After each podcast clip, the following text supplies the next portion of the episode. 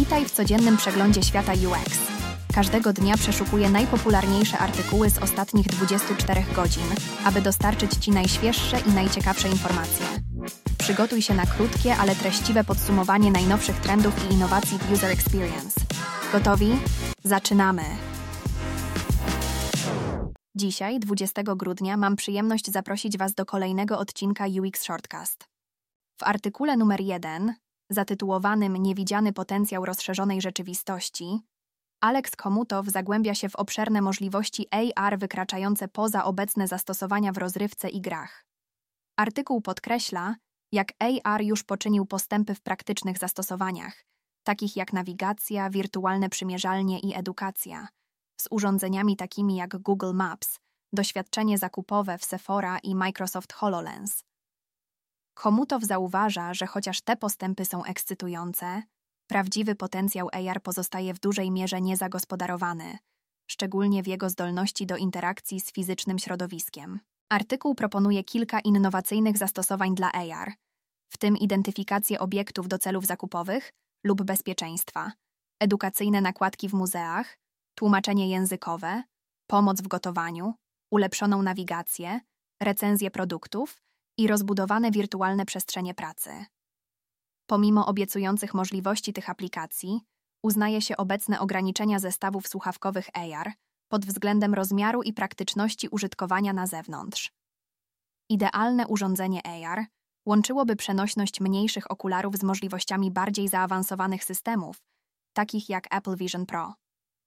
Komutow porównuje ewolucję technologii AR do transformacji komputerów osobistych i telefonów komórkowych sugerując, że AR jest na progu stania się integralną częścią naszego codziennego życia.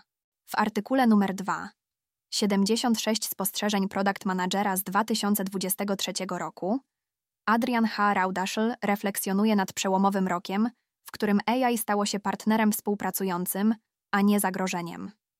Przyjmując AI pośród konfliktów zespołowych i trudnych decyzji, Raudaszel odkrył jego wartość jako mediatora, oraz narzędzia do zwiększania kreatywności i rozwiązywania problemów. Poprzez sokratyczne dialogi z AI ulepszył się zarówno zawodowo, jak i osobowo, rozwijając nawet zestaw narzędzi dla innych menedżerów produktu. Artykuł zachęca do przyjęcia AI z ostrożnością i humorem, sugerując, że może nas uczynić kreatywniejszymi w konkurencji przez zróżnicowanie naszych procesów myślowych i wzmocnienie naszych pomysłów.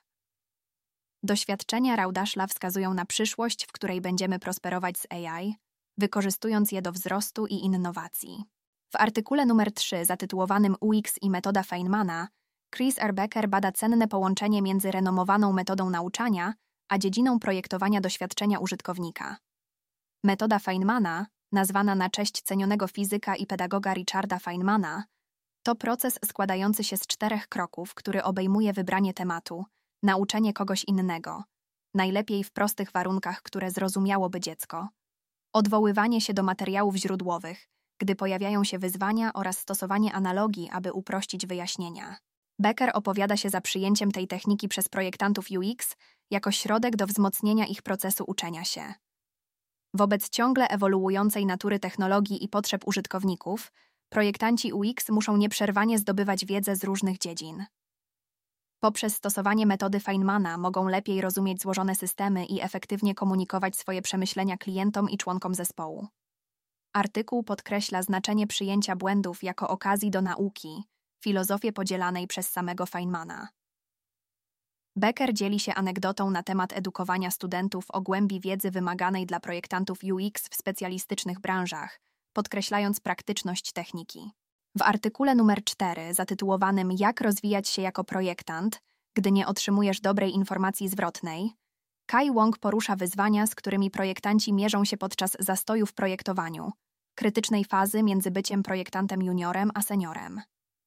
Wong wczuwa się w położenie tych, którzy zmagają się z otrzymywaniem konstruktywnej informacji zwrotnej, szczególnie w środowisku, gdzie mogą być jedynym projektantem UX lub pracują z niejasno określonymi interesariuszami.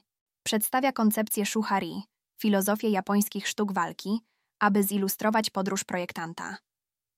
Początkowo projektanci podążają za ustalonymi zasadami shu, ale gdy docierają do zastoju w projektowaniu, muszą zacząć kwestionować i odchodzić od tradycji ha, aby ostatecznie tworzyć nowe reguły i odnaleźć głębszą wartość w swojej pracy. Ri. Wong podkreśla wagę zadawania pytań w tym okresie, aby sprzyjać rozwojowi i sugeruje, że projektanci aktywnie szukają informacji zwrotnej, aby poradzić sobie z tym trudnym, ale decydującym etapem w ich karierze. Dziękuję za wysłuchanie i zapraszam na kolejną dawkę wiedzy już jutro.